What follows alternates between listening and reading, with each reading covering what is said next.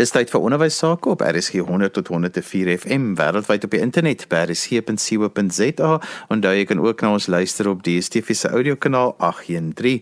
Die program is ons in die onderwys saam met my Johan van Lille. Vandag gesels ons 'n bietjie oor kreatiewe onderwys en ons gaan spesifiek praat oor ondersoekgebaseerde leer. My gas is Herman Matthee en hy's 'n kurrikulumbestuurder by die Kiro groep.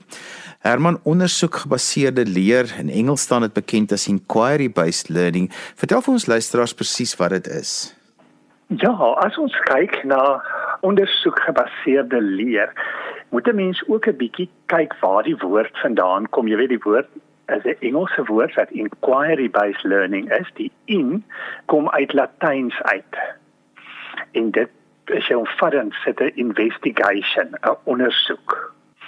En dan wat saam met dit gaan is vraaggebaseerde leer. Wat inquiry based learning is vir die prefix die voorvoegsel uit Frans kom wat basies dan vra om vra te vra beteken. En dan kan ons sê inquiry based of ondersoek gebaseerde leer gaan oor die nuuskierigheid van die leerdlinge. So die leerdlinge gaan oor 'n sekere onderwerp nuuskierig wees en dan gaan hulle begin vra vra. En uit hierdie vrae kom antwoorde, maar uit die antwoorde gaan nog vrae plaasvind. En dan kan gemengde leer plaasvind en die rol van die onderwyser gaan ook baie verander met hierdie ondersoek gebaseerde leer. Herman gee vir ons 'n tipiese voorbeeld van wat sal 'n ondersoek gebaseerde leer of dan 'n vraaggebaseerde leer tipe van taak wees, net dat mense dit 'n konteks kan vorm van hoe dit nou sal uitspeel of in die klaskamer of in in die leerproses. Wel Johan, dit is nogal belangrik dat hierdie binne die kurrikulum plaasvind. So sien nou maar net die onderwerp is insekte en hulle kyk na die springkaan. Maar miskien is daar een van die leerdlinge wat meer wil weet oor 'n ander insek, soos byvoorbeeld 'n skoenlapper of 'n miskraier. Dan gaan hy daai selfde vraag begin vra wat hy sou gevra het as hy net oor die springkaan het, maar hy gaan sy kennis uitbrei en 'n bietjie in 'n ander rigting gaan en hy gaan homself verryk. Hy gaan nie net by die onderwerp bly nie, maar dit bly binne in die kurrikulum. Gaan hy homself dan sy nuuskierigheid uitbrei. Nou Herman, daai nuuskierigheid wat natuurlik nou sterk in vraaggebaseerde leer ontwikkel word, behels ook nie dat dit nie net sulke ek wil amper sê op die oppervlak vrae is nie. Daai nuuskierigheid druk jou om eintlik ander tipe vrae te begin vra. Ja, en hierdie vraag is eintlik dan 'n hoër orde vraag. En weet jy, dit is ook waar die onderwyser gaan inkom. Want die onderwyser gaan die sokratiese metode gebruik. Aanhou vra vra om die kind se denke te stimuleer. Ek moet verduidelik dit vir ons 'n klein bietjie meer dat hoe sal die onderwyser die vrae vra want om die regte vrae op die regte plek te vra en om nie die kinders te lei in die sin van dat jy hulle druk in 'n rigting nie maar jy wil tog 'n bietjie vir hulle rigting gee dis 'n fyn kuns vir alles wat by die hoër orde vra kom want hulle moet mos self by die antwoorde uitkom Ja, weet jy, baie lekker ding om te doen vir die onderwyser is om 'n bietjie twyfel te begin skep by die kinders. Soos in plaas om net 'n gewone vraag te vra, vra gaan hierdie onderwyser twyfel skep.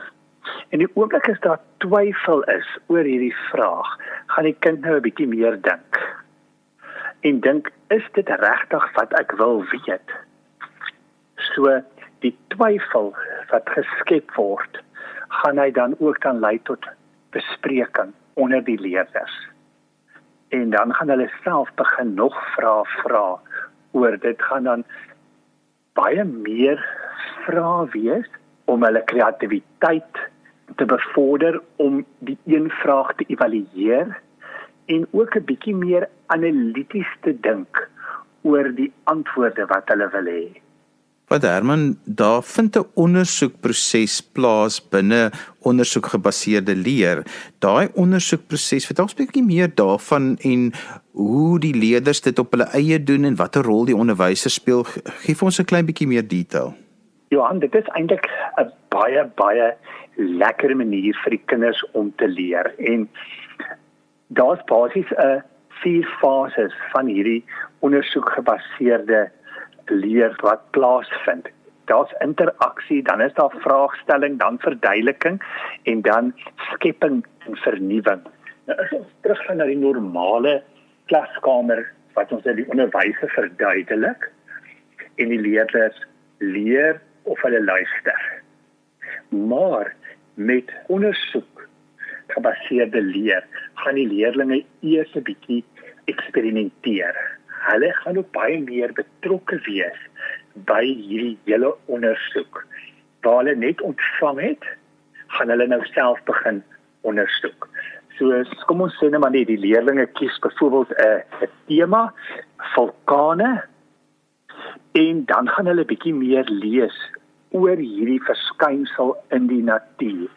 En dan gaan daar meer ons kan hom amper vat na jy ons almal weet van die wetenskaplike metode, maar daar is ook 'n metode, 'n wetenskaplike metode vir ondersoek gebaseerde leer.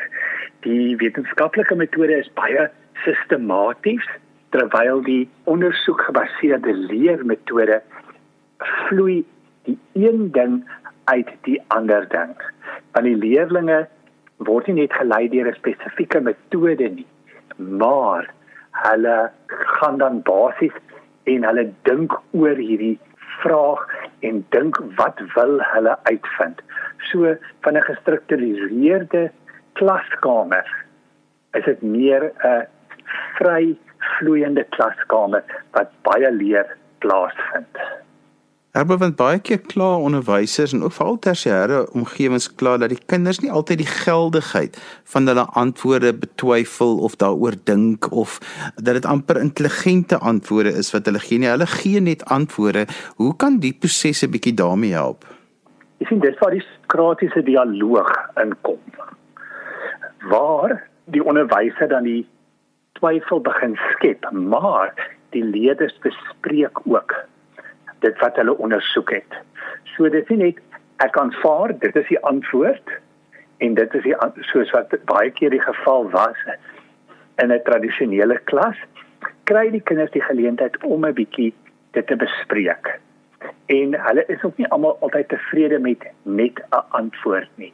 Hulle gaan 'n eksperiment doen, hulle gaan navorsing doen en terwyl hulle nou hierdie gesprek het met mekaar, gaan hulle dan die gapings in mekaar se denke vul deur die antwoorde in die gesprek wat daar plaasvind. Herman eindig so ondersoekgebaseerde leer altyd met 'n uh, opdrag of 'n probleemstelling wat die kinders dan geformuleer het en dan oplos in die vorm van 'n taak of 'n opdrag. Hoe werk dit? Ja, wie sê wat? Dit kan eindig in 'n opdrag of in 'n projek, maar die belangrikste ding is dat hierdie leer, die leerders hierdie hele ondersoek van hulle kan aanbied. En as hulle hom aanbied, dan kan die res van die klas daarbey ook baat.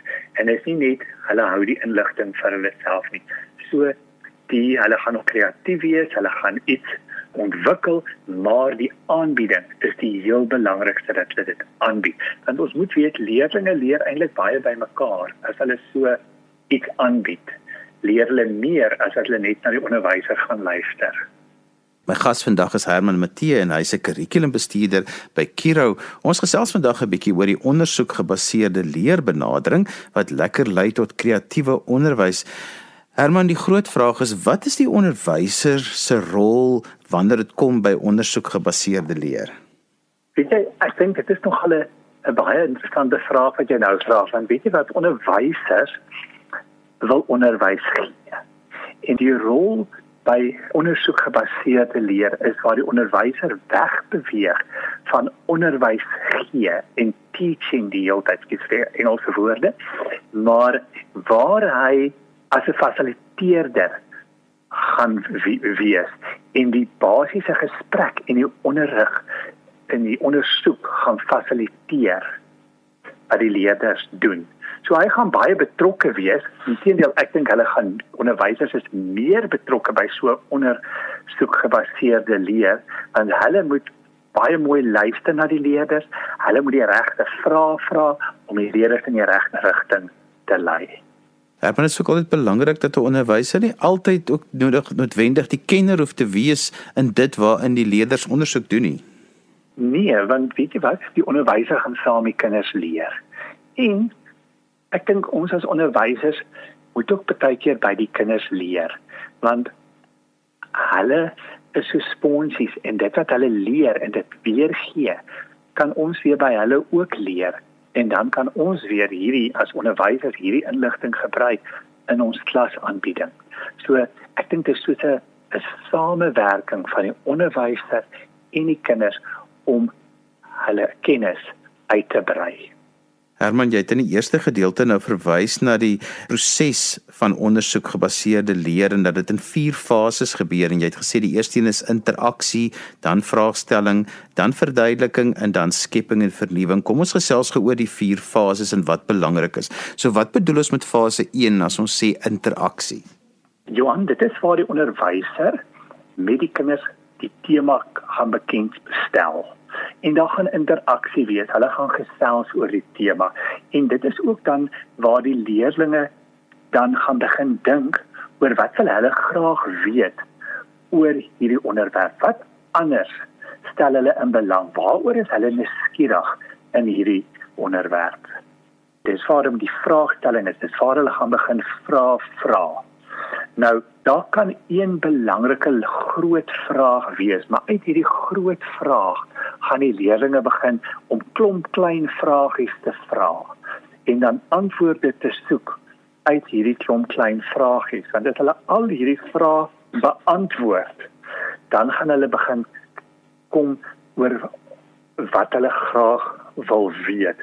So dit gaan hier is dit 'n vreeslike minds on gedeelte waar hulle dink oor dit en waar hulle gaan begin vra wat wil ek weet en dan die minds on gaan dan oorgaan na 'n hands on waar hulle gaan begin soek na die inligting gaan eksperimenteer dinge begin doen.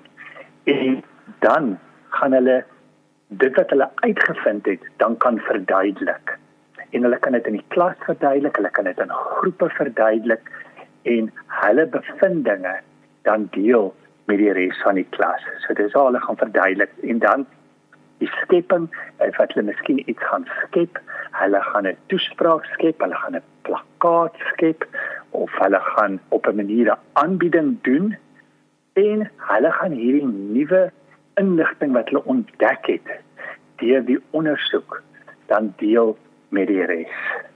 Herman, ek weet jy gebruik graag tegnologie in jou klasse en in jou opleidings wat jy doen. Kan hierdie ook werk met al die tegnologie as 'n mens dan ook afstandsleer moet gebruik soos wat maar deesdae baie gebeur? Ja, dit is eintlik ideaal daarvoor. En 'n mens moet altyd weet dat vandag se kinders, ek dink dit kan ons terugvat na die na die nuwe normaal. Ons weet nie altyd ons dink partykeer is net so 'n online les, ek gaan eintlik nou hier iets anders aan. Maar die nuwe normaal is kinders wil dadelike antwoorde hê. So tegnologie is 'n wonderlike ding om vir hulle maklik die antwoord te gee. So 'n kind het nie 'n vreeslike stel boeke nodig nie, maar hy het 'n foon nodig dat hy vinnig iets kan opsoek. So dit is waar tegnologie inkom om die nuwe normaal makliker te maak vir die leerders. So Herman, wat is die kruks van ondersoekgebaseerde leer? Dit gaan nie oor die korrekte antwoord nie, maar oor die verduideliking oor hoe die leerders by hierdie antwoord uitgekom het. Nie een leerling in die klas gaan dieselfde metode gebruik om by hulle antwoorde uit te kom nie, ons onthou die kinders gaan verskil en dit gaan oor 'n tema wees of 'n verskynsel in die natuur en almal gaan ander vrae hê, maar hulle gaan werk om daai selfde tema en hulle gaan verskillende maniere hê om by hierdie antwoord uit te kom. Maar hulle moet dan kan verduidelik hoe hulle by die antwoord uit gekom het. Leerders gaan gebruik maak ook van hulle sintuie om te verduidelik hoe hulle by hierdie antwoord uitgekom het. Ek het dit gelees, ek het dit gehoor. En maats is partykeer 'n baie baie goeie bron van inligting om by antwoorde uit te kom. Soos ons kan kyk wat die kruks is van dit, dit gaan nie oor die korrekte antwoord nie, maar hoe hulle by die antwoord uitgekom het en om dit te kan verduidelik. Herman en dan moet ons gesels oor wat is die rol van die ouer in hierdie proses want die ouer kan nogal in die pad staan van hierdie proses as hulle nie weet presies wat hulle rol is nie. Ja, weet jy Johan, ek dink alle ouers het op 'n ander manier onderwys ervaar. En hierdie is iets nuuts, maar eintlik is dit ook nie so nuut nie. Want as ons dit teruggaan na die ou Griekse tyd toe, is dit wat daar gebeur het. Mense het vrae gehad en hulle het dit bespreek. So ek dink ouers moet 'n bietjie ook nalees oor ondersoek gebaseerde leer en op 'n manier probeer byhou by wat gebeur in die onderwys in die wêreld. En ek dink die onderwysers dit die ouers het verstaan dan gaan dit soveel makliker wees vir die kind. Maar ons moet ook onthou ouers is ook 'n baie belangrike bron want ouers weet dat die kind kan die ouer as 'n bron ook gebruik om antwoorde te kry op hulle vrae. Erba, maar dit is baie belangrik dat ouers sal besef hulle moenie hierdie opdragte namens die kinders doen nie. Hulle moet betrokke wees. Hulle is 'n bron, maar die kind moet hierdie self doen want anders het hierdie ding geen sin vir kinders se ontwikkeling nie. Ja, nee, die ouers moet weet hulle kan ook fasiliteer. Net soos die onderwyser is hulle die deeltjie by 'n gedeelte by die huis doen. Ek is natuurlik 'n groot voorstander dat al hierdie tipe goedes in 'n klas moet gebeur en net gedeelte by die huis moet plaasvind, maar die onderwyser, die ouer moet ook weet hy kan fasiliteer, hy kan leiding gee, maar die kind moet nog steeds self ontdek en by die antwoord op sy eie uitkom. Want die ouers se antwoord gaan nie altyd die kind se antwoord wees nie. Herman, moet ek my klaskamer anders inrig as ek ondersoek gebaseerde leer wil aanpak? Johan, ja, ek dink ons beweeg weg van 'n gestruktureerde klaskamer wat banke in 'n rye staan.